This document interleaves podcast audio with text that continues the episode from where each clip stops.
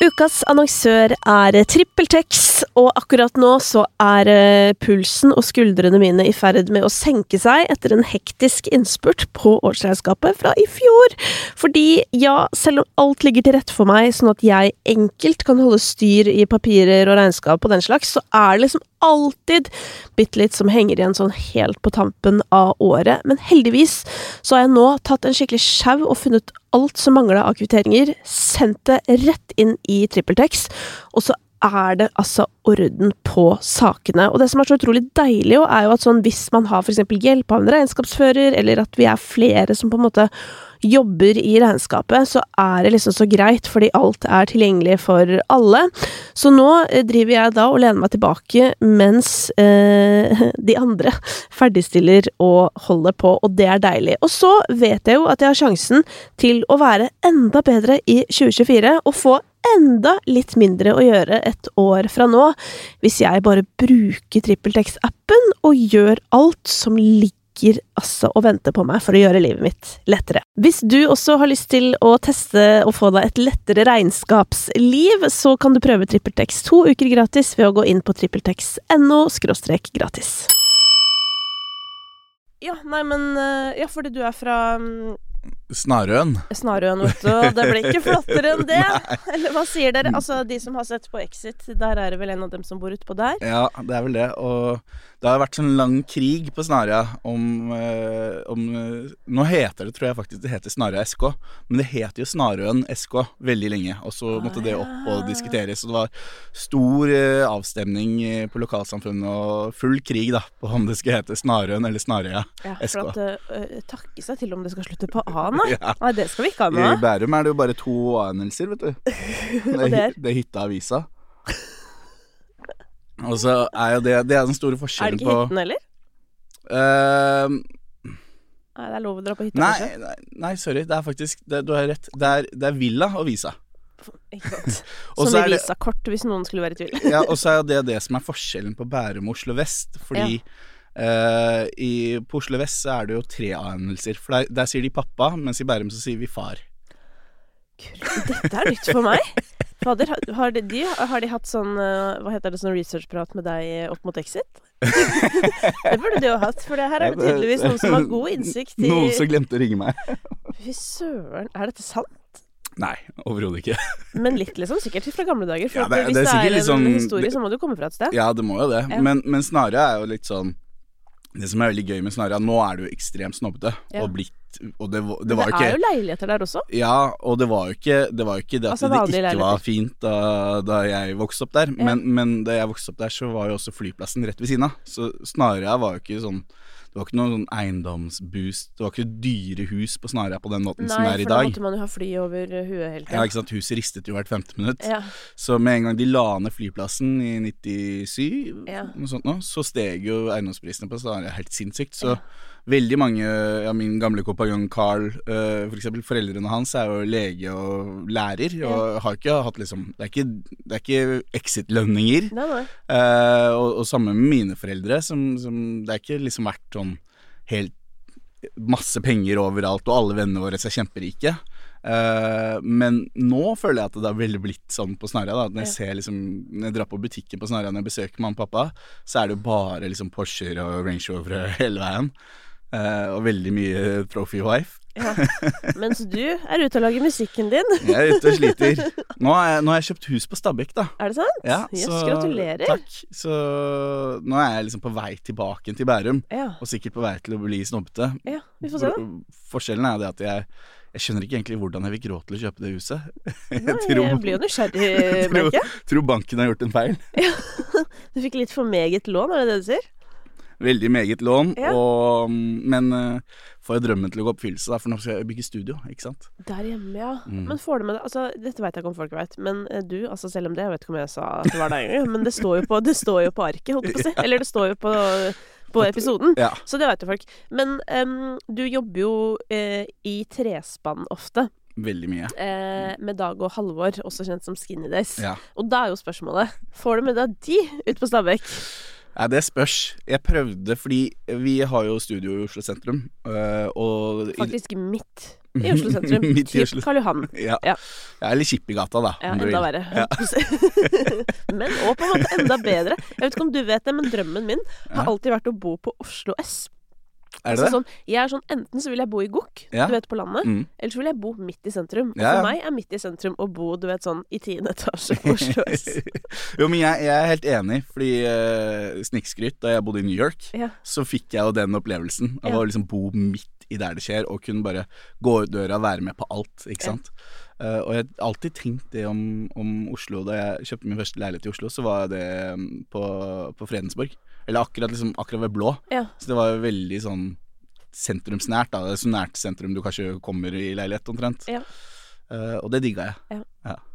Men nå er det altså studio i Skippergata, og det er også et studio Det er noen snirklete saker dere har gående der. Det er det. Um, Ikke lett å komme seg opp dit. Det er altså en, men der er det også faktisk leiligheter i Skippergata. I hvert fall Ja, nå. også, også han som eier bygget, vil jo veldig gjerne gjøre det her om til leiligheter. Så leiekontrakten der er sånn ett år av gangen med seks måneders oppsigelse. Ja. Uh, han prøver å kaste oss ut hele tiden, for han mener at uh, nå er Oslo kommune på glid. Eh, og han har jo kastet ut Altså Det var sånn vi endte opp sammen, faktisk, hvis, hvis vi skal ta den historien. da Så jeg, Da jeg flyttet hjem fra USA, så hadde jeg studio i kjelleren på Gamlelosjen, faktisk. ja, som da er et uh, fornemt bygg her i Oslo. Fornemt bygg på Ja. ja. Og det var egentlig bare fordi det var lagret til min gode venn eh, David, som har da MAMB, dette klesmerket. um, som jeg fikk bygget om til studio, da. Eh, og da Se, her kommer kaffe også. Her kommer kaffe, vet du. Ja. Er, det, er det lov? Og vet du hva, den kan du ta, faktisk. For at eh, jeg tok med en fra ja, Medbrakt. Jeg tok med medbrakt, for at jeg liker melkekaffe på morgenkvisten. Ja, ja, ja. Skjønner. Skjønner. Ja, men, Mm, eh, ja. Takk, takk. Så du studier er Gamlelosjen, ja. Ja, og så hadde jo da Skinny loftet da I, i, i Skippergata skal det sies at det er vel elleve studioer. Ja. Uh, og det er et studiokompleks som har vært der siden 50-tallet. Um, nå vil eieren da gjøre det om til leiligheter. Uh, og i den anledning, da i dette var 2017-18 og sånt nå, så kasta man ut alle som var der. Og da var Skinny litt sånn Hjelp, hva gjør vi nå? Og så sa jeg ja, men det er null stress, bare kom til meg, så kan vi dele inn- inn- så lenge. Ja. Og så hadde vi en helt fantastisk sommer på tre-fire måneder hvor vi delte studio og, hadde det kjempegøy og lagde masse morsom musikk sammen. Eh, og så viste det seg at han eieren fikk jo ikke muligheten da, til å lage, studio, nei, lage leiligheter. Så da var det liksom åpent, og da var de smarte nok til å ta det beste og fineste studio i Skippergata igjen, da. Ja. Eh, For da var det liksom free for all, førstemann til mølla. Eh, og så gikk det kanskje en måned, og så gikk det selskapet som jeg leide av konk. Ja. Så da var de ja, men kom til oss, da, så kan du være hos oss til du finner noe annet. Og det er da fire, år siden. Og der ble du.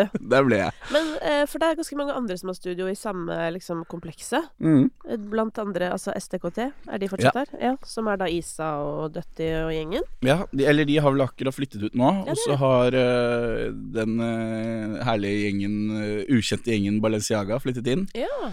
Så det har vært mye rotasjoner der, men det er jo Lemaitre har jo vært der en stund. De, de har jo Jeg vet ikke om de Jo, de har det vel sammen med Bearson og Jerry Folk nå, og så bruker de det når de er i Norge. Mm.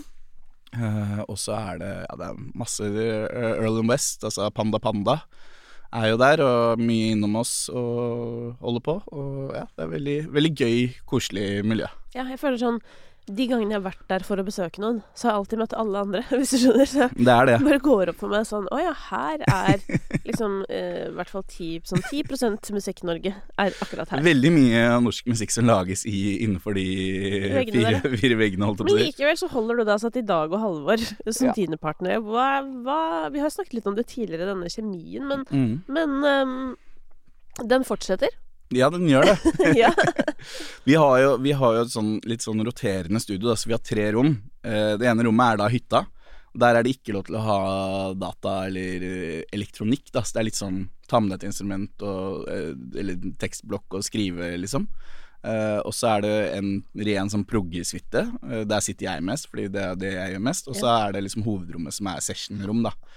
Uh, men det blir jo litt til at vi, vi bytter litt på, og eh, plutselig så Det er veldig lett, i hvert fall for meg, da, som sitter mye alene, å bli sånn stuck på en idé.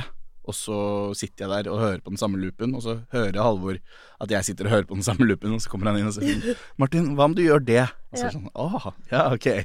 Og så plutselig så baller det på seg, og så står han og spiller en basslinje som er helt sinnssykt fet. Eh, vi kaller han jo for Todd Halvor, fordi at eh, han har blitt så god på, på elektroniske basslinjer. Som, som referanse til Todd Terje. Ja. Så det er, det er veldig gøy. Men eh, du har sluppet låt i dag, Ja. når vi sitter her. Mm. Ja. Det, det, er også, det er også et, eh, et resultat av eh, dette gode vennskapet og samarbeidet vi har i, i huset der. ja. Mm. Og du har jo en litt spennende dag på release Eller spennende fyr på releasedag. ja, for jeg elsker jo å gi ut musikk, vet du. Hva kjente du da du våknet i dag, eller i går før du la deg, da? Alt ettersom. Um, veldig ambivalent. Ja. Det er eh, Jeg har blitt flinkere på det, da. Eh, greia er det at jeg eh, liker jo ikke å gi ut musikk. Som, som du vet, men kanskje ikke alle som hører på, vet. Og det syns jo folk er rart. Nå, nå, nå blir folk sånn Hvorfor gjør du det da? Ja, si det. Ehm, nei, det er jo Altså, jeg elsker jo å lage musikk, Ja. men det, den derre Det er så mye forventninger til å gi ut en låt, og den går fra på en måte være min og være på, på min PC, og jeg kan høre på den og spille den for kontrollerte former for mine venner, men, men eh, til å liksom deles med alle, og så skal alle bedømme det, og så er jo vi konsumere av musikk nesten litt sånn Jeg syns vi er kommet inn i en sånn fast food eh, konsumering av musikk. Mm. Hvor vi, vi bare bedømmer en låt på 30 sekunder, og så hopper vi videre, eller ikke i det engang. Uh, og jeg vet hvor mye blod, slit og tårer som har gått inn i hver låt jeg har laget, og sikkert i alle andre låter som kommer ut på New Music Friday også. Eh, og så blir det bedømmet så fort, da, og, og brukt og kastet så fort. Og det er litt sånn Det er ekstrem antiklimaks. Uh, og det Jeg vet ikke om det minsker verdien for deg som musikkskaper, men, men det er litt sånn derre Det føles som veldig mye strev for ingenting, på en eller annen måte, da. Og så er det veldig rart fordi at eh, jeg har aldri følt på en mestringsfølelse når det kommer til det å lage musikk. Jeg syns, syns jeg, jeg har alltid slitt litt med liksom å Jeg føler at det er flaks hver gang, da, egentlig. At det er liksom Men jeg, jeg klarer aldri å toppe dette. Eller jeg klarer, og, så jo, jo bedre en låt gjør det, jo verre har jeg det inni meg, og jo vanskeligere syns jeg det er å komme i gang med nye prosjekter. Så, så det er litt sånn Det skulle, skulle sikkert en psykolog til for å finne ut av Men har du ikke prøvd det? Jeg burde kanskje det. Ja, for hvis du, ikke, altså, hvis du mener at du ikke har prøvd det, da har du jo litt å gå på, tenker jeg. ja, kan jo være det. Men men jeg sitter jo her fortsatt, da, og det er jo hva er det, tolvte året mitt som profesjonell artist, hvor jeg, hvor jeg faktisk kan leve av det. Mm. Så, så det noe, noe er det jo som driver meg framover allikevel. Ja. Og Men hva er det, da? jeg tror ønsket om å skape, dele ideer som man har inni seg, og så er det jo også det eh, altså, Som deg, da, så elsker jeg å spille, ikke sant. Jeg digger å DJ. Det er, det er, det, der- det er der virkelig hjertet mitt er, og der det kommer fra. Mm. Og, og jeg har alltid Jeg spøker alltid med at jeg er den siste DJ-en, fordi at uh, alle de som kom etter meg, i, spesielt i Norge, da, er jo produsenter først. Og så liksom blitt DJ-er i, i måten de utfolder seg på. Mm. Mens jeg startet jo som DJ, og så underveis da jeg var 16-17, så tenkte jeg sånn at hvis jeg skal gjøre dette til en karriere, så må jeg begynne å lage låter. Ja, for det måtte man før, Ja. skal sies. Det var litt andre tider. ja, at Ja. Det, var, det var litt sånn du, du Måtte kanskje ikke, men det var vanligere. Ja, i hvert fall hvis du ville ha en internasjonal karriere, da, og, Ja. og komme deg liksom ut av bare de lokale klubbene. Uh, så, så det var liksom Det var litt mer sånn Dette må jeg gjøre for å få lov til å gjøre dette. Mm. Eh, og, og fortsatt i dag så er det jo sånn, selv om jeg har blitt mer glad i å skrive og produsere, og, og jeg elsker den biten av det også, Mm. men, men liksom min store passion og hjerte ligger fortsatt i å spille. Og, og jeg tror det å kunne spille sin egen musikk, det er jo en helt sånn spesiell følelse, da. Så, så, så det er sikkert litt av drivet i det, da. Ja. ja, fordi at eh, Men tror du det ligger noe i det derre Siden du eh, forklarer det der at du har liksom kanskje ikke helt den mestringsfølelsen, eller Du beskriver jo nesten litt sånn bedragersyndromaktig. Sånn der 100% Du venter på at folk skal finne ut at du ikke kan det. Ja, 100% Men tror du noe av det som driver deg, også kan handle om at du prøver å liksom bevise at du kan noe? Ja, definitivt. Og, og, og spesielt hvis, man, hvis jeg skal være liksom veldig rå og ærlig, da, så, så eh, Da Carl og jeg splittet, eller da vi liksom I den avsluttende fasen, så, så Carl har jo alltid vært Carl er jo kanskje den beste produsenten jeg vet om. Uh, og, og spesielt på et sånn teknisk aspekt. Og, og Carl var jo den som på en måte Han mikset jo og mastret eh, de låtene som vi gjorde sammen, og, og jeg, han er sikkert uenig i dette, men jeg syns jo det høres ut som de beste Altså, som Hvis du hører på musikken fra den tiden, da. Hvis du tar Black as Blue 2012 og hører på de største låtene eh, det året, så syns jeg den, liksom både i miks og mastering Dette er veldig teknisk, da, men den, den, holder en kvalitet som er på en måte på toppnivå, da. Enig. Uh, og jeg tror at det, det at uh, han på en måte hadde til dels liksom kanskje førersetter litt som produser... Altså, selv om vi produserte jo sammen, så, så, tror jeg det også var med på å liksom sette meg litt tilbake og sånn.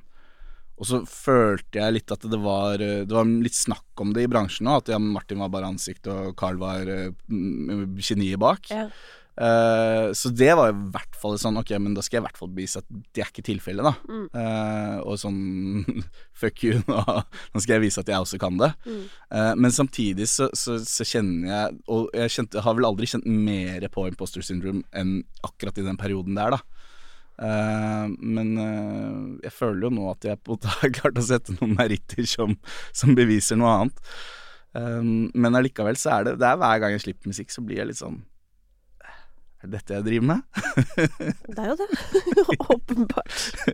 Men eh, ja, og sånn sett så dette, dette, diskuterte vi i forrige prat, eh, så trenger ikke å ta hele den på nytt. Og mm. hvis eh, du som hører på ikke hørte den, så er det jo bare å dra tilbake i arkivet. Mm. Eh, men eh, du har jo da hatt en kjempestor låt eh, som heter Dance. Mm. og den gjorde jo det da litt vanskelig for deg å komme på ballen igjen. Ja. ja. Mildt sagt. Ja. Men hva, altså når du ser tilbake på den nå, for nå begynner det å bli en stund siden, og mm. den låta durer jo og går fortsatt. Ja, det er helt sinnssykt. Eh, hva er den oppi nå? På 100 Sist jeg så, 115 millioner. Streams? Ja. Det, den er grei. Den er gjennomgrei. Bare på Spotify? Ja, og, og ja. da gikk den faktisk Fikk jeg beskjed i forrige uke at den gikk gull i Nederland. Så er det, det er jo veldig gøy. Ja, Og da så. er jo spørsmålet, Martin Hva, Hvordan har liksom uh, psyken vært eh, deretter? Um, det har vært veldig spesielt, fordi det hører jo med til den låta at jeg fikk jo min første sønn, Alf, tre dager før låta ble sluppet. Ja, det stemmer det. Så jeg var jo helt, jeg var helt borte i hele det promoløpet. Altså, jeg gjorde jo promo, men jeg, jeg var jo ikke fokusert, ikke sant. Nei, nei. Og jeg var ikke Og jeg, jeg fikk liksom ikke med meg egentlig uh, den Altså, hvis du spør meg om de første seks månedene av låta, ja. så husker jeg ingenting av det. For det var ikke der hodet mitt var. Nei, og det eh, kan jo jeg relatere til nå. Eh, til forskjell fra sist vi snakka sammen. ja, ikke sant. ja. Så, så, så, det, så, det, er eh, det, det, var veldig sånn rart. Og så var det jo kom pandemien, ikke mm. sant. Dette var, den kom i oktober. Mars stengte Norge og verden, og alt endret seg. og jeg, jeg tror ikke eller jeg, jeg, skal ikke gi unnskylde låta eller suksessen noe som helst, men jeg tror allikevel at pandemien var litt med på å la den låta få så lang levetid, fordi at det var en av de siste hitsene, partyhitsene. Ja. Og, og, det, og, det, merket jeg jo selv, at det å gi ut partylåter i, eller danselåter i, i, pandemien funket jo ikke spesielt bra. Nei, men det var helt spesielt. Sånn alle låter som skal bli spilt på byen. Mm. Eh, altså, jeg tror sånn Wet Ass Pussy, for eksempel, kom jo ut da. Mm.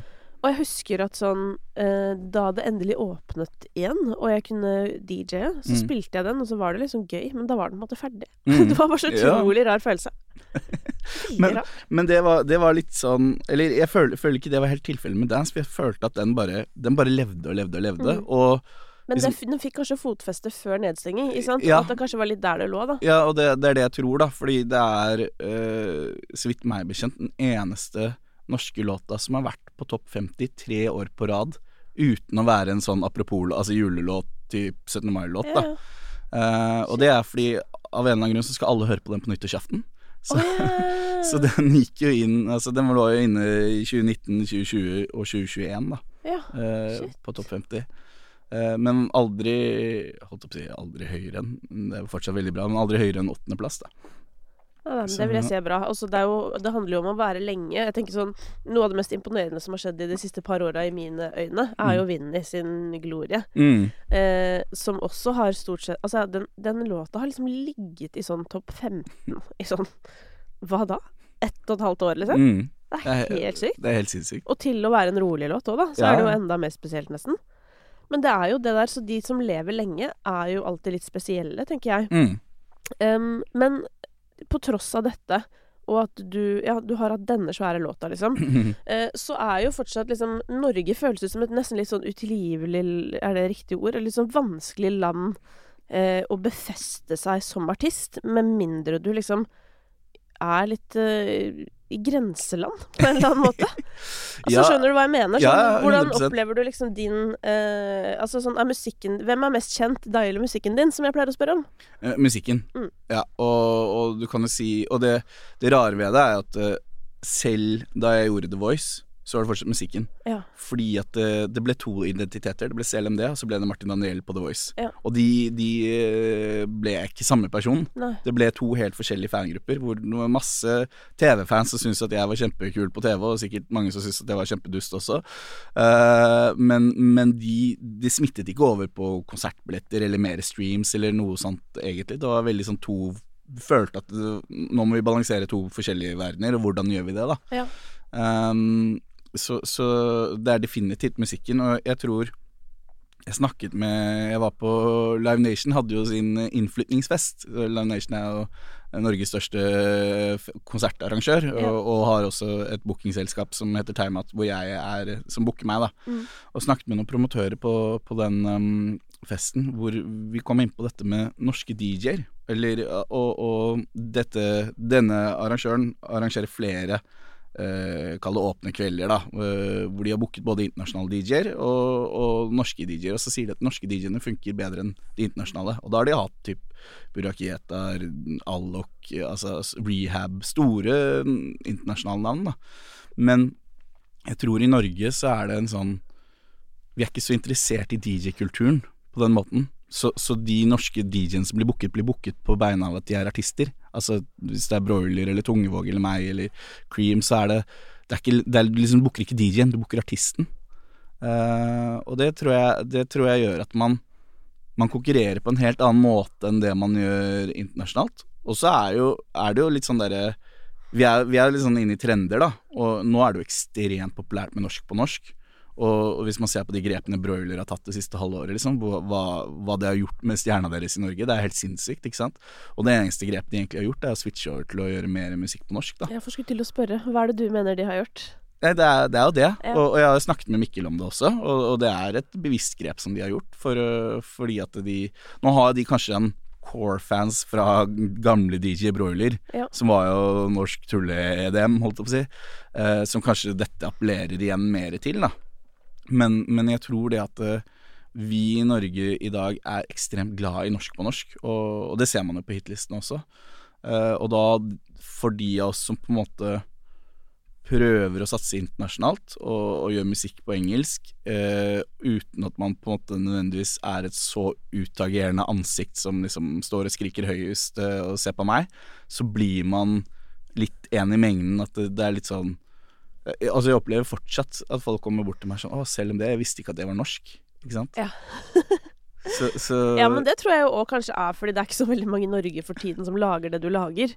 At det handler litt om det også, og at sånn ehm, Det er jo musikk som, som kanskje hadde nesten for tiden passet bedre inn, bedre inn i New Music Friday UK, hvis du skjønner. mm, Eh, det tipper jeg har noe med saken å gjøre. I hvert fall den nye, også den nye låta di, 'Bounce'. Den har passet ekstra bra inn på UK.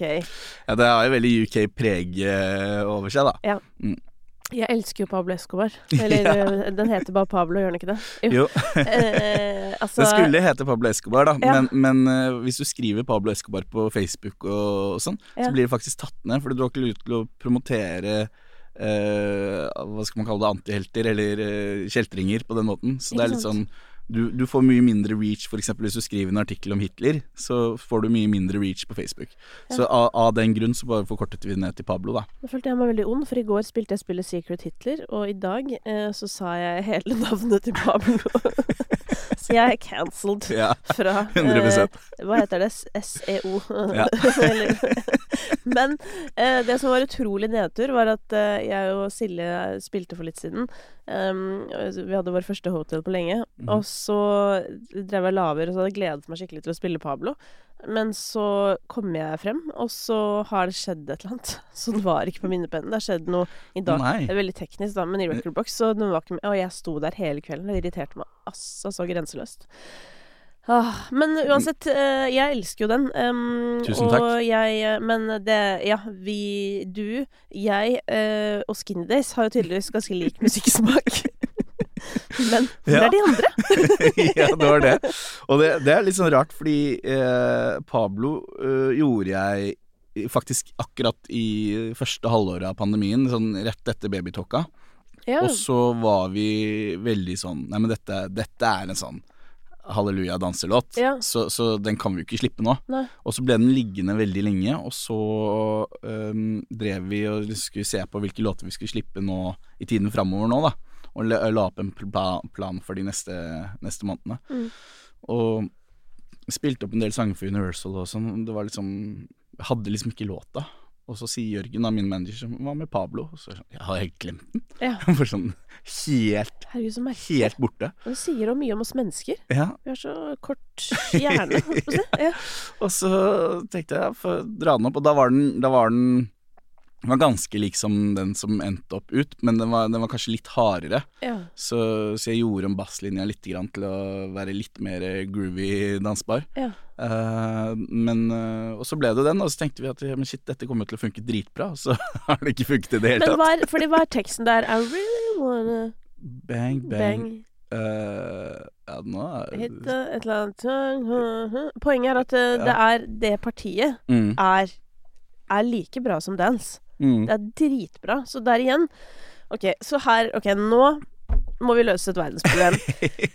Situasjonen er, Martin, at du har denne sangen. mm.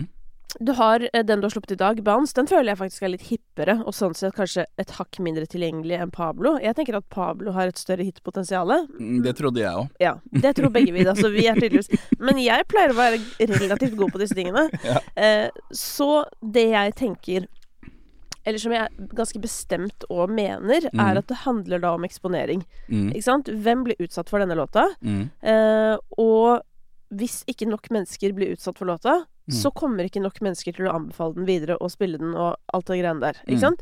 Og da er vi jo tilbake på markedsføring, som du jo også er veldig opptatt av. ja. Så hva skal du gjøre? Fordi du sitter jo på varene. Få melde meg på Farmen, da, kanskje. Ja, men det er jo det du ikke må, for det du sier er jo nettopp at det ikke fungerte. Du var jo på The Voice, men det translated ikke. Nei, og dette er jo også sant. veldig spennende, ikke sant. Og sånn, nå er det jo en del artister med på Kompani Lauritzen. Mm, Eh, eller en del, det er vel Turab og Sval, da. Mm. Men det blir spennende å se om det har noe å si for karrieren deres. Jeg, jeg- mitt, min teori er jo nei. Men jeg syns jo det er kjempegøy at de gjør det. mm. Fordi at jeg syns folk skal gjøre det de har lyst til. Og veldig ofte så opplever jeg at artister ikke gjør ting fordi de er veldig redd for hvordan det skal bli oppfattet. Jo, men, jo, men det har jo vært Altså, tidene har forandret seg. Og jeg, jeg er faktisk litt uenig, for jeg tror at vi har kommet til en tid nå hvor det faktisk har en påvirkningskraft. Og jeg tror Ja, det har men du er jo seg. eksempelet selv på at ikke det hjalp. Jo, men det er, Men er, mener du at det var for det lenge er tre år siden Hva er det jeg var med på The Voice? Tre år siden, noe sånt nå? Siste Ja, men sesongen? liksom Matoma fikk ikke noe bedre tall.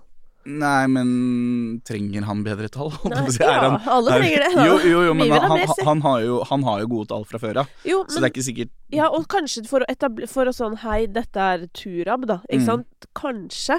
Men samtidig så tror jeg liksom at uh, Det er som du sier, at det er jo ikke sånn at du går inn og hører på musikken bare fordi du syns Sval var cute. Mm. Tror jeg, da. Nei, nei, nei, det er sant. Men, og sånn eh, sett, mens for eksempel Hver gang vi møtes, tror jeg er et eksempel på det Ja, motsatte. ja, for det Fordi det er jo musikk, og Mm. da tror jeg at sånn Å, herregud, jeg elsker Isa, for en fantastisk person. For en nydelig cover av Emma. Mm. Jeg vil høre på andre Isa-sanger. Den tror jeg funker bedre. Ja. Men nå røper jeg kanskje hvor gamle vi er, da, men, men eh, da, da Tjave gjorde 'Skal vi danse', så tror jeg det hadde en helt klar påvirkning på Beggen. Ja, ikke sant. Dette husker jo jeg så vidt, faktisk. Men Fordi det var, begge. det var jo en strategi. Tjave skulle jo overhodet ikke være med på Nå røper jeg kanskje ikke noe jeg burde si, da, men, men eh, Peter får sparke meg senere. uh, men, men det var jo liksom en sånn Ja, men Tjave skal være med, og så, og så bare får vi liksom får vi noe til å skje. Og så Ja, for han skulle ikke være med så lenge, er det det du sier? Nei, ja, og så, ble, han, ble han jo så populær. Ja. Og, og for hver gang, for hver uke, så bare så de at tallene også på begge gikk jo høyere og høyere. Så det er sånn, du må Du kan ikke trekke deg nå, du må være med, du må være med. Ja, men det taler jo for at det, at det funka bedre før. For det er jo Ja. litt som Senkveldeffekten. Sen- Husker du ja. Senkveldeffekten? Oi, oi, oi. Dette Men ja, det er altså sånn Jeg tror de fleste ehm, i dette forumet husker i hvert fall et program som het Senkveld på TV 2. Mm. Det begynner nå å bli en stund siden, og det endte jo etter hvert opp med å være med Stian og Helene. Mm. Og da var ikke hele Senkveld-effekten så god. Nei. Men det var en periode hvor det var sånn at hadde eh, man spilt på Senkveld med en sang, Mm. så var den sangen liksom oppe og nikka dagen etter. Litt sånn som Hver gang vi møtes tidvis er, da. Jeg satt i en session her forleden dag, og nå er jeg litt flau fordi jeg ikke husker hvem jeg var der med. Men det var noen som var litt yngre, og så fortalte jeg dem om senkveldeffekten. Ja. Og de var bare sånn Wow. Ja. Er det, er det, kunne, kunne det skje, liksom? Ja. Kunne, kunne man liksom få en garantert topp ti ved å bare være med på Senkveld? ja. Og det, det er litt sånn Ja, man kunne det. Ja. Men var det noe annet? Reflekter rundt dette, for jeg skal sette på kameraene på nytt. For at jeg er min egen videoprodusent i dag. ja. Um, var det andre programmer som hadde liksom sånn god effekt? Jeg vet ikke om det var uh, Altså, Skavlan, da, uh, hadde jo det. Uh, men jeg vet ikke om det var, var så mye Altså, jeg tror, ikke man, jeg tror ikke man har fått så god effekt av å være med på Lidmo, for eksempel. Nei, altså, det er jo veldig flotte opptredener, og det er jo fine intervjuer og den slags, og det blir jo ofte liksom mye saker og oppmerksomhet, men Mm. det er jo ikke liksom uh, Det smeller jo ikke på, på streams nødvendigvis, og det var jo det som var så interessant med det scenekveldgreiene. Det var liksom sånn, ja Det bare var så megaboost, da. Mm. Og det er jo utrolig hyggelig å tenke på at det gikk an en gang i tiden. Og nå er det bare sånn Hvordan i helvete skal vi få det til? Nå er det Nå er jo Altså, marketingstrategien til alle labelsene er kom deg på TikTok, Ja. ikke sant? Og så er det å håpe at noe funker der, men problemet der òg, og det, det har jo åpenbart funket, hvis du ser på sånn som Ramón, eksempel, da. Det er jo helt sinnssykt. ja. Uh, Men, men liksom, har det funket fordi det var en strategi, eller har det funket fordi det er en mann? Kanskje begge deler. Fordi han på en måte, og den plattformen var jo venner fra før, og det er det jeg syns er vanskelig at sånn Jo, Ja. men, jo men, men det er jo veldig mange låter de siste årene da som har blitt født på TikTok. Og så, og så ser man jo men, men så er det jo også noen øh, hvor man ser nå at det, selv om det blir en hit på TikTok, så er det ikke nødvendigvis at det kommer seg på Spotify. Uh, og jeg har jo et eget eksempel på det, faktisk, som er den Feel It Coming In, den klubblåta jeg slapp i fjor, oktober. Mm. Um, som er, ikke funket på Spotify, men har jo funket ekstremt bra på TikTok. Ja. Uh, og vi var sånn Og det, det er sånn på TikTok så kan du legge ut lydklipp før release, ikke sant, så folk kan tease litt og, og sånne ting. Og den, den bare gikk med en gang, og begynte å få masse, masse videoer. Hva var det folk gjorde til sangen? Alt mulig rart. Ok. Det var Men vi, vi var Eller jeg var heldig og fikk en sånn derre um, Electronic music hashtag. Sånn at hvis du gikk inn og skulle ha elektronisk musikk, så lå den som nummer nummer én eller to på den listen. Ja. Så, så det er sikkert en del random som bare har brukt fra det, da. Hvordan Men, får man det? eh, det må du spørre noen i Universal Ja, for det er sånn wink-wink til TikTok, hvis du skjønner. Det er at man er god på søkemotoroptimalisering. Altså, jeg, jeg begynte med TikTok i forgårs, Ja. Jeg skjønner. Hvordan syns du det går? Eh, Ja, det går greit. Jeg, jeg liker det. Jeg, Ja. Og, og det, det liker det mer enn jeg trodde jeg skulle gjøre. Um, og det er jo faktisk tilbake til Feel Cummingen, for jeg hadde jo en idé om å lage sånn duerave-musikkvideo, holdt jeg på å si. Hva for noe? Due-rave. Så det er masse duer som raver. Ja. Uh, det er inspirert eh, Det er jo inspirert av en annen TikTok, men vi gjorde det liksom litt mer større, da. Så det er, eh, det er masse Det er en bil som kjører, som ser ut som i starten føler, får du følelsen av at dette er eh, en faktisk bil, Mm. og så viser det seg at det er en lekebil som puller opp da på et uh, gaterave på Grünerløkka. Og der er det masse duer som står og DJ-er og spiller og raver og, og holder på. Okay. Uh, og det er egentlig hele videoen, og dette er som du hører, en ekstremt TikTok-vennlig idé. Ja. Og så er det sånn, ok, men hvis vi skal gjøre dette, og vi har denne ideen, så kan vi ikke gjøre det uten at eh, jeg faktisk virker, virker eller er genuin på TikTok. Det kan, det kan ikke bare være disse klippene, for da ser det ekstremt Ja, ja. markedsførings ut. Um, så da tenkte jeg da får jeg begynne, da. Ja. Late to the party. Men ja. Eh, Og så, og så begynte jeg en del, og så ble jeg faktisk litt sånn hekta at ok, dette er gøy. Og så fant jeg på en måte min nisje i det. For at jeg begynte å følge en del musikkprodusenter og, og andre i bransjen som, som jeg syntes var gode på det, som ikke bare var liksom sånn tulledans og, og filterfreaks, liksom. Mm. Uh, men, men uh, Og på en måte følte at jeg fant litt min vei, og at det er en veldig fin måte hvor man kan være personlig uten at man nødvendigvis er så privat.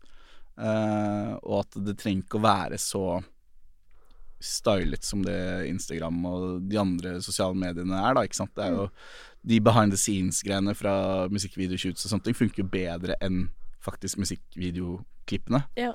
Så, så jeg syns det er litt gøy, da. Uh, og så er det jo sikkert sånn som alle andre, at man dabber jo litt av av og til, og så kommer man seg litt på toget igjen. Ja, men det er det som er at Jeg tror liksom fordi TikTok er så utrolig tidstyv, da, i hvert fall for meg, at sånn hvis jeg først begynner å scrolle, så vil det liksom ingen ende ta. Mm. Det handler kanskje om at jeg må få meg en rutine der, sånn som jeg har på andre sosiale medier. For jeg elsker jo alle sosiale medier, så Mm. hver gang det kommer noe nytt, så er jo jeg nede i sluket. Så jeg har jo da litt tidsutfordringer, kan du si. Ja. Eh, Men jo, på Instagram for eksempel, så føler jeg at jeg har en rutine. Jeg går inn, jeg gjør det jeg skal, jeg sjekker det jeg skal, og så kan jeg liksom legge det fra meg. Mens på Mm. TikTok så er det bare sånn evig Det blir Ja, aldri ferdig. Eh, Og derfor så går jeg heller ikke inn. Nei. Og derfor så eh, kan ikke jeg Derfor så oppdaterer ikke jeg den så mye for de, eller skjønner du? Og en annen ting som jeg syns er vanskelig der inne, men det er jo mitt problem, da kanskje, men men det, det føler jeg artister også innimellom kan kjenne seg igjen i. At du er jo der på en måte også som artist og Mm. viser liksom musikkting eller eh, Mens for meg, da, som jo er et eh, menneske som er fylt av ekstremt mye forskjellig, Mm. så syns jeg det er veldig vrient, egentlig, med sosiale medier generelt. For jeg føler det egentlig ikke alltid er plass til hele mennesker. Mm. Altså, skjønner du hva jeg mener? Ja, jo, men eh, helt ærlig så hater jeg det. Og hvis, hvis jeg kunne velge, hvis Ja. ikke det hadde vært en del, eller så viktig del av det å være artist i 2023, Ja. så hadde jeg slettet alle appene. Ja, ikke sant? Men det, jeg skulle, men det jeg mer skulle ønske, da, hadde vært at sånn føl- Ikke sant um, ja, Hvis du er uh, Jeg hørte på Nå skal jeg begynne på dette. Jeg hørte Begynte å høre på Sånn er du, holdt på å si. Eller Big Five heter det nå. Mm. En podkast, personlighetstestpodkast, uh, som er inne på Podmy, med Harald Eia og Nils Mm. Brenna, med Oskar Vestelin. Mm. Hvor han liksom basically bare sånn sitter og forteller helt åpent at han liksom skrur seg veldig til Mm. for å bli mer populær. Mm. Eh, og hvor han forteller at liksom de sitter og følger med på hvordan alt de lager presterer, og de ser at jo sjukere i huet de er, jo bedre presterer de, på en måte. Og Mm. da går de den veien. Blir mer og mer ekstreme. Og det er jo en verden jeg ikke vil ha, Mm. liksom. Det er sånn Det er nettopp det jeg ikke ønsker meg. Og så på en måte så tenker jeg jo sånn Han lager underholdning og på en måte får holde på, det er jo gøy, det. Men jeg vet ikke om alle forstår at det er kødd. Eller Mm. du vet sånn, jeg vet Ja, ikke. Jeg er. Antageligvis ikke. Um, men så, sånn sett kanskje han er et dårlig eksempel fordi han lager humor, men, men jeg tror uansett det illustrerer et poeng, da. At jo Mm. mer du eh, Jo mer du bestemmer deg for om du er woke eller anti-woke, liksom, Mm. jo, fler, jo mer populær blir du. Mens jeg er jo et menneske som har lyst til å sitte i midten og argumentere for at sånn, hallo, vi må se alle sider av saken. Veldig upopulært i 2023, ikke sant? Jo, men, men det, er, det er sant, og det ser du jo på Uten at dette skal bli liksom full samfunnspodkast, men, men du, du, du ser det jo på hele samfunnet. Ja. Altså Det har aldri vært større, bare i politikken, det har aldri vært større ytterpunkter, ikke sant. Det er de ytterste mm, eh, partiene som presterer best, omtrent, ikke sant. Men som også blir hørt, da. Og jeg syns det er så synd at sånn eh, Bare fordi eh, Altså, hvis du er balansert, så er du basically kjedelig. Mm. Eh, og det er sånn, så jeg er jo et veldig upopulært vesen eh, i dette herrens år, fordi jeg er sinnssykt opptatt av sånn ja, men vi må se at de har penger, men vi må også se altså på den ene og den andre siden. Mm. Eh, og det tror jeg også gjelder i sånn interesser, ikke sant. Fordi jeg er jo sånn Ja, noen tenker kanskje at jeg er sånn smal og hipp og liker smal musikk, og i det hele tatt driver med musikk som jo er smalt i seg selv, vil jeg argumentere for, dessverre. Mm. dessverre. Eh, men samtidig så liksom Ja, så strikker jeg, liksom. Jeg baker. Mm. Altså, jeg har lyst til å vise Eller grunnen til at jeg er på sosiale medier, er fordi at jeg har lyst til å lage det jeg har lyst til å lage.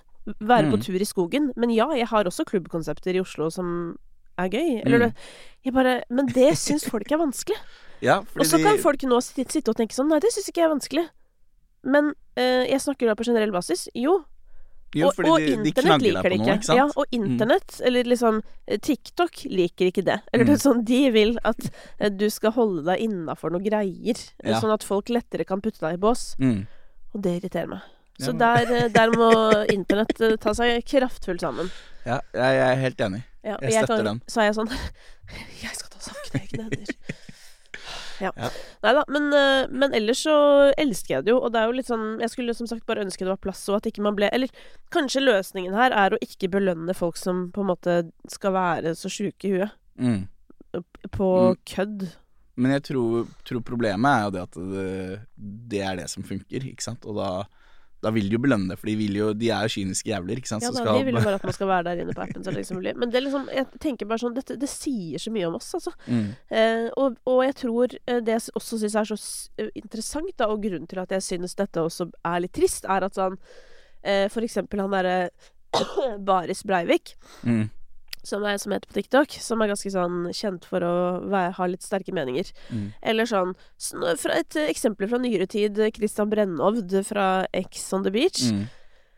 har da vært på podkasten til Oskar Vestelin og sagt noe sånn som at det er bare jenter som kan være stygge. Jeg vet ikke om du fikk med deg det? Nei. Nei, at gutter kan ikke være stygge, de kan bare trene litt og bli brune. Å ja. Og bli tynne, liksom. Eller Ja. du vet, bøffe, da. Ja.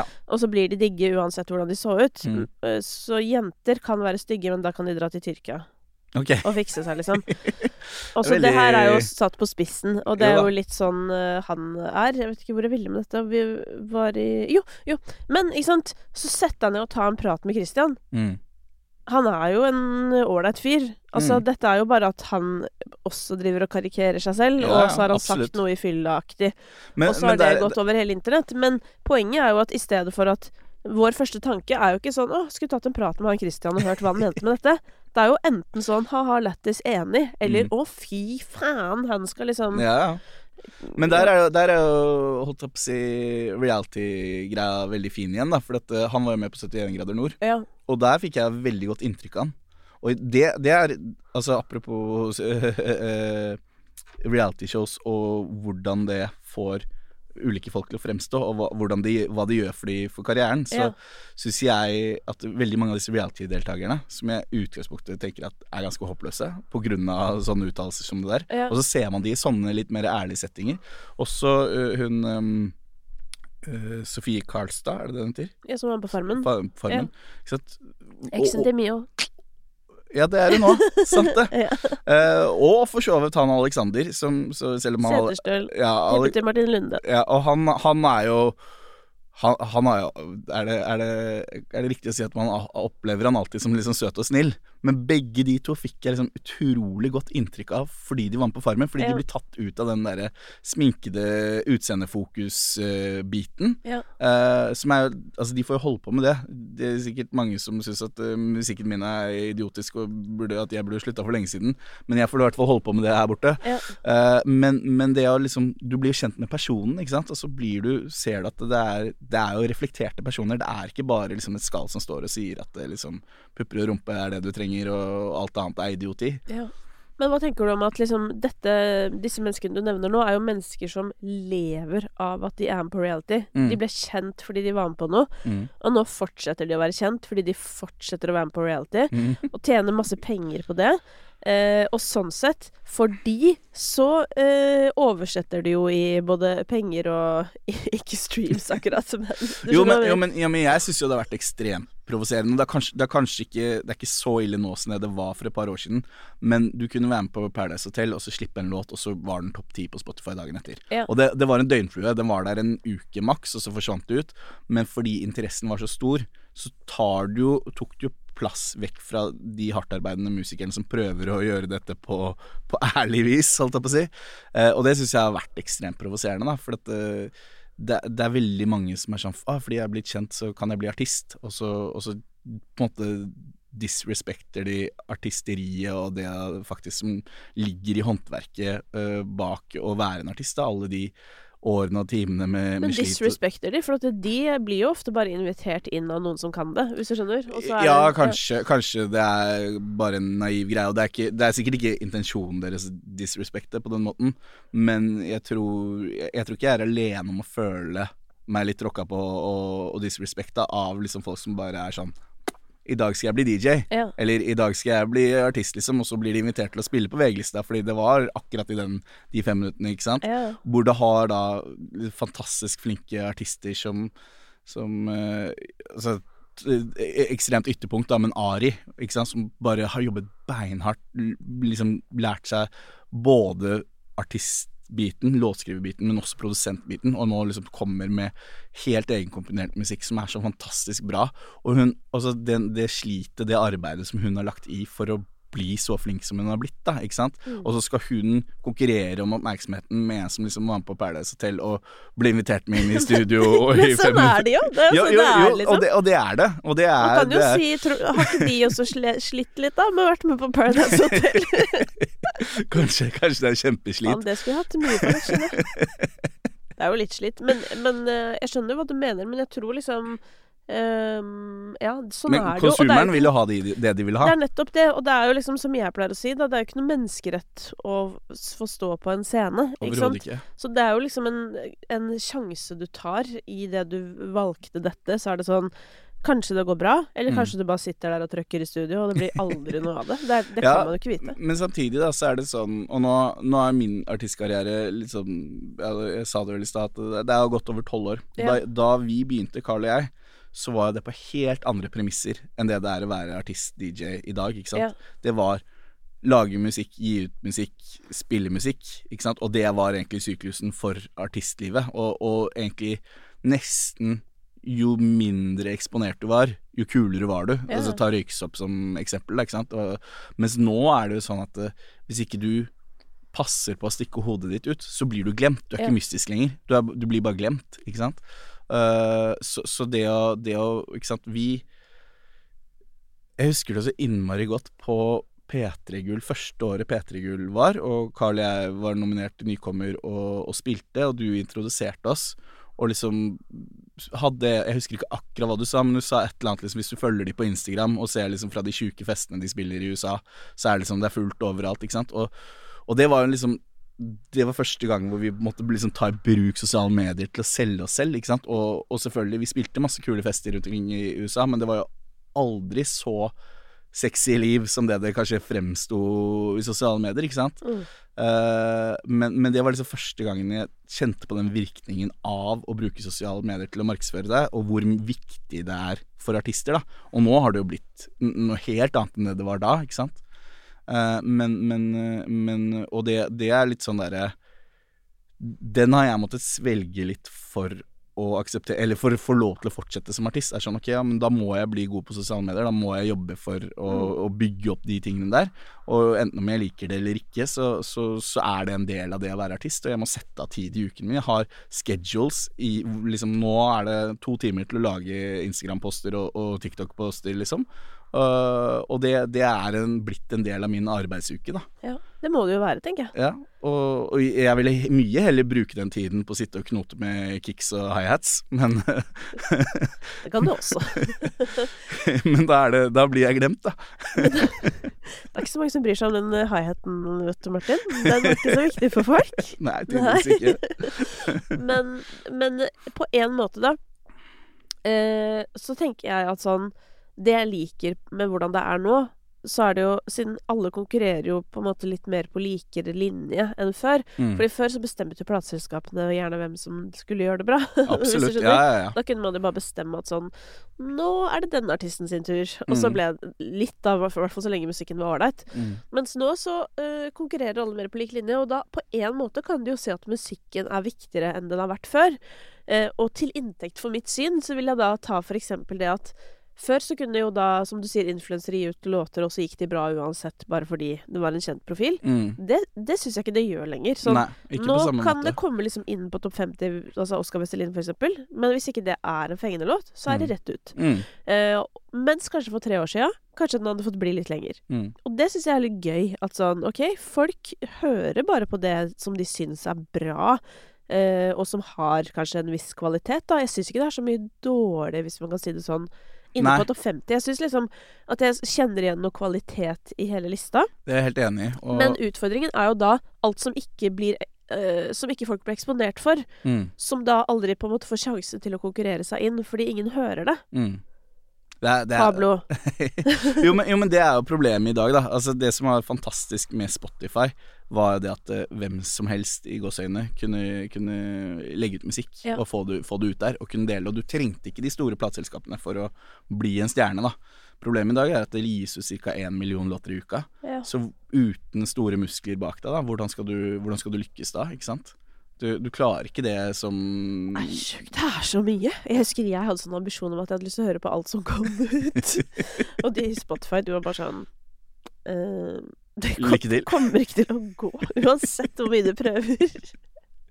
Men det også er jo helt sinnssykt, fordi at nå sitter det da en redaktør i Spotify og bestemmer hva som er på New Music Friday, og Mm. det er det jeg hører. mm, Så nå har jeg blitt sånn obsessed med å gå inn og Jeg, må, jeg har hatt sånne runder med meg sjøl hvor jeg har gått gjennom sånn alle norske artister jeg ever har likt, mm. for å gå inn og følge de, for da får jeg jo beskjed når det kommer ny musikk. Ja, så får du release radar og Ja, Mm. men, eh, men hvis du følger noen, så får du jo melding uansett. Så da får jeg i hvert fall For det, der, jeg, har, jeg har vært eh, Det har jo skjedd ved flere anledninger at artister jeg digger, mm. som har gitt dritfete låter De låtene har ikke vært i New Music Friday engang. Nei, ikke sant? Ja, men, ja, men det, det er jo tilfellet. Og så er det jo blitt litt sånn her at eh,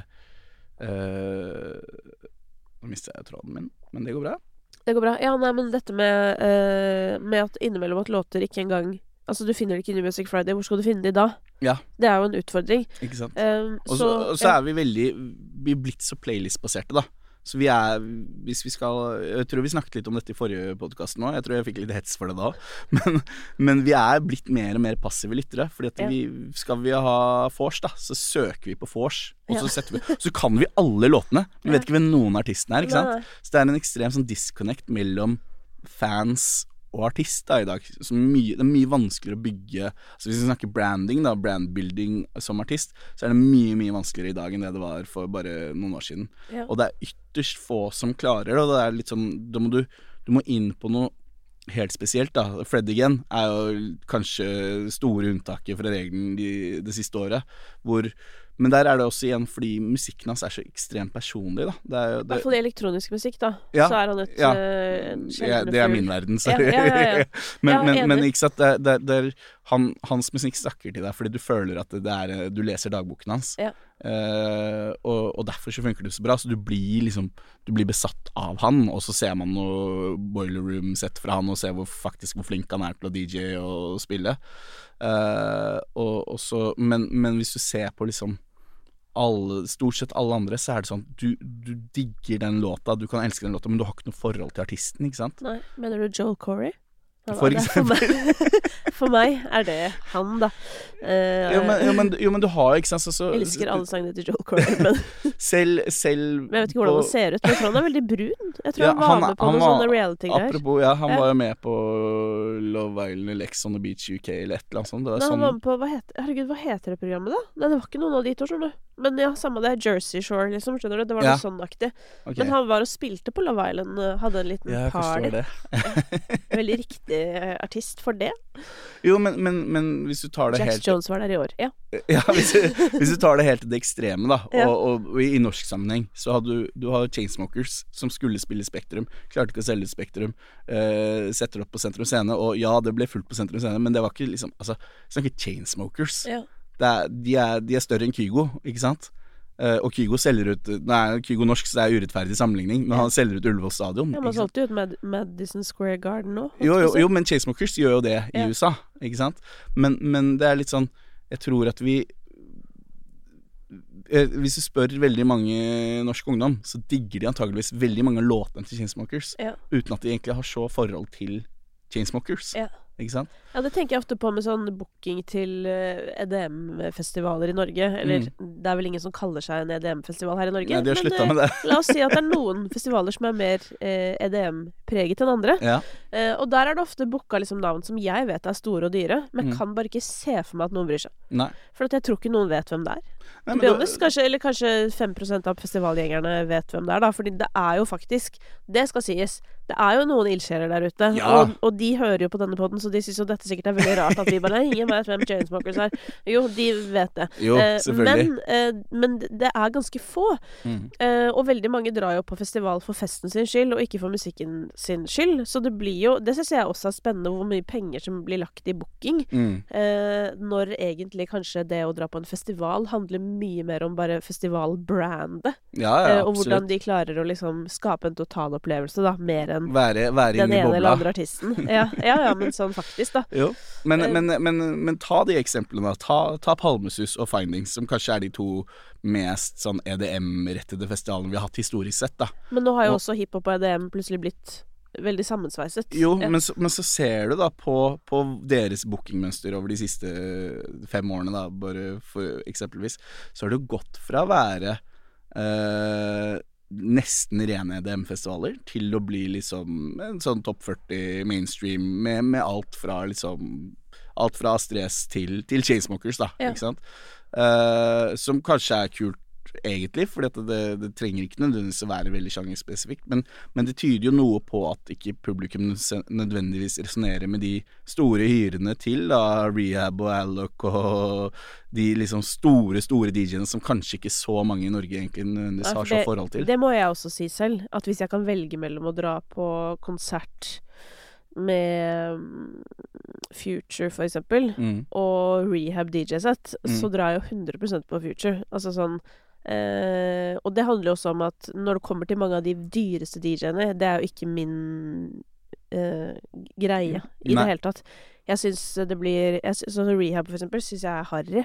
Mm. Personlig, da. Ja, ja. Men, men jeg hadde gått på Fred again, for eksempel. Mm. Eh, 100% Og det er jo mange Men ikke sant, mange av de DJ-ene jeg ville sett, er jo De hadde i hvert fall ikke noen kommet på, hvis du skjønner. Men, Så det men, får jeg bukke for meg selv, da. jo, jo, men, jo, men jeg, jeg er litt enig, og jeg, jeg skyter jo sikkert uh, artist-LMD både i foten og i nakken og i hodet og alt som er med å si det her.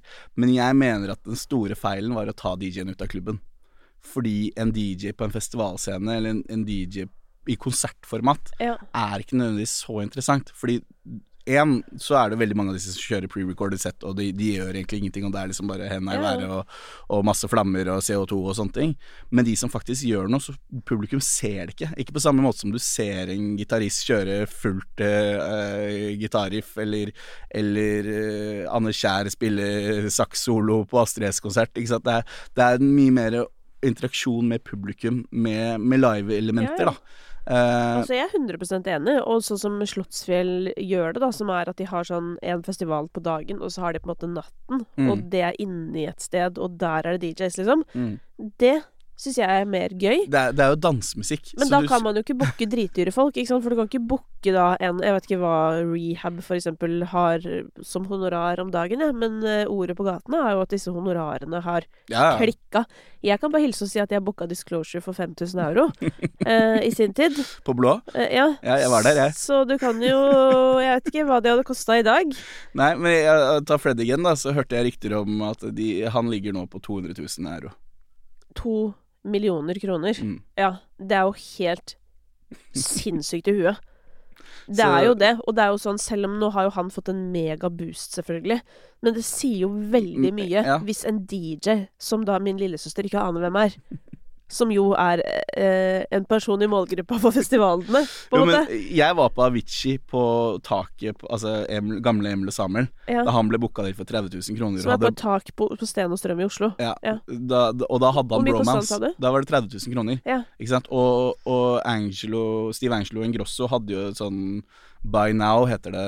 Det var deres liksom duo i trioen. Ja. Um, de var, spilte på Lux, en gammel klubb i, hvis du husker det, i Kristian Fjæres gate. Uh, rett ved si, altså vis-à-vis Brød og sirkus. Ikke sant? Ja. Uh, så, så, hvor de spilte på den tiden hvor liksom det var, det var rundt one-tiden, da, så Swedish House Mafia var liksom i ferd med å virkelig bli det det ble. ja. Uh, men hvor det var liksom De spilte der på en klubb for Jeg tror jeg, tror jeg hørte noe om liksom 60 000-70 000 kroner. Og, og det var jo DJ-prisene for de store DJ-ene. Ja, verken Avicii eller Angelo Ingrosso var det de ble til slutt. Ja. Men de var for, fortsatt liksom store DJ-er på den tiden. ja. Men prisene der har bare eksplodert, ikke sant? Hva tror du Og- Kygo ligger på, liksom? Aner ikke. Jeg har hørt, jeg har hørt uh, opp mot liksom fem millioner kroner, men jeg vet ikke om det stemmer. Eh, Det er jo men hvis du, helt hvis, du ser, hvis, du, hvis du ser på huset hans og, og kunsten hans, og, så, så, så kan det jo stemme. Men, men, men jeg vet ikke. Jeg, vet, jeg Nei, aner ikke, men, det er men bare noe jeg har hørt. hele, altså den der, eh, Nå vet jo heller ikke jeg, men det bare den, dette, disse honorarene begynner jo å løpe noe jævlig av gårde, da. Apropos inflasjon, holdt jeg på å si. Mm. Så vi får jo se, da, ikke sant. Med så mange festivaler, så mange artister som skal ha så sykt mye betalt. Jeg er jo Mm. spent på om de pengene er de der ute i markedet. Er folk Mm. villige til å betale for så mange festivaler? jeg, hadde jo, jeg hadde jo håpet både på bakgrunn av at jeg skjønner at festivalene må ha noe internasjonale navn som trekker inn, Ja. men jeg, jeg syns at festivalene ofte gir litt lite kred til norske artister. For jeg tror norske artister selger mer billetter enn det de gis kred for, da. At jeg tror at det at festivalene kunne kommet unna med å booke mer enn norsk, og antageligvis da sluppet å betale de sinnssyke hyrene på samme måte, eh, men allikevel klart å selge ut på samme måte som de gjør, da. Mm. Eh, og, og, og jeg tror også at det hadde vært veldig bra for norske artister. Uh, snakker jeg ikke for min egen del, for jeg har vært heldig nok til å spille på liksom all, de aller fleste. Uh, men men jeg tror veldig mange nye, kule artister kunne fått mer plass, da. Ja. Ja, det er jeg veldig spent på hvordan det blir fremover. Men det er jo vanskelig, ikke sant. For at i et marked hvor man vet at man konkurrerer med sinnssykt mange fordi det er så mange festivaler nå, Mm. så tenker jo sikkert alle at sånn åh, da må vi Da Mm. må vi uppe det. Da er det kanskje skummelt å satse på liksom nye. Så jeg føler jo at det er jo de trygge De tryggeste og største festivalene som på en måte burde ta ansvar for å slippe til eh, nye, da. Litt Ja. på samme måte som jeg mener at det er de største artistene som må tørre å lage ny, annerledes musikk, hvis du skjønner. Ja, ja. Fordi det er bare de som kanskje kan få eh, Ja, litt som eh, mitt eh, klasseeksempel her er jo The Weekend og 80-tallsstilen. Mm. Liksom, det var Det må være på det nivået hvis det virkelig skal liksom skape en stor ny trend, da, tror jeg. Eller så må jo mange små komme på likt. Ja, men ap- apropos det, da. eh, bare nysgjerrig. Hva, hva tenker du om den nye låten til Calvin Harris eller Golding, da? Det, nå skal du høre, den tenker jeg mye om. Dette er da låta 'Miracle'. Eh, eh, nei, jeg syns jo det er også artig at den heter 'Miracle', eh, med tanke på da Tokos Miracle, Miracle, ja. fra Fragma. Look it up. Eh, nei, altså, jeg trodde jo ikke mine egne ører. For at jeg har jo en, eh, en rutine for å høre på New Music Friday, som er at jeg trykker på play fra første sangen, Mm. og så legger jeg mobilen i lomma, og så står det til. Mm. Så kommer jo da denne sangen, og da lurer jeg jo på hvor er vi nå? Hvor er vi nå? Har vi ramla ut av lista, eller hvor er vi nå? Hvilke tiår er vi? Hvilke tiår er vi? Og vi er jo da rett inn i mitt favoritte tiår, selvfølgelig. Eh, blir også uh, Men det forvirrende er jo at eh, vi er jo åpenbart i da eh, Vi er åpenbart for lenge siden. Vi er jo da eh, 25 år tilbake i tid, da, cirka. Mm. Og så samtidig så er det jo eh, Fordi lydene er 25 år tilbake i tid, Så Mm. faktisk. Men kanskje finishen Mm. er jo i 2023. Mm. Så er det en viss forvirring også på hvor er vi. Og så er det jo stemmen til Ellie Golding som jeg hører ganske med en gang. Ja. Eh, og da skjønner jeg jo at ok, men da kunne vi jo like så godt vært i 2010. Mm. Eller sånn, fordi hun er jo veldig Ja, jo, jo. 2010-aktig. Så var jævlig forvirrende, hele låta. Eh, men eh, med det sagt så har jo jeg Calvin Harris sin funk-karriere langt opp i halsen. Ja. For verre enn det. Det kan du ikke treffe meg med. Så dette var jo ti steg opp. Ja. Absolutt. Men eh, DJ Sammy med Heaven er mye bedre. Så poenget mitt det, det, Konklusjonen er veldig eh, godt innspill. Ja.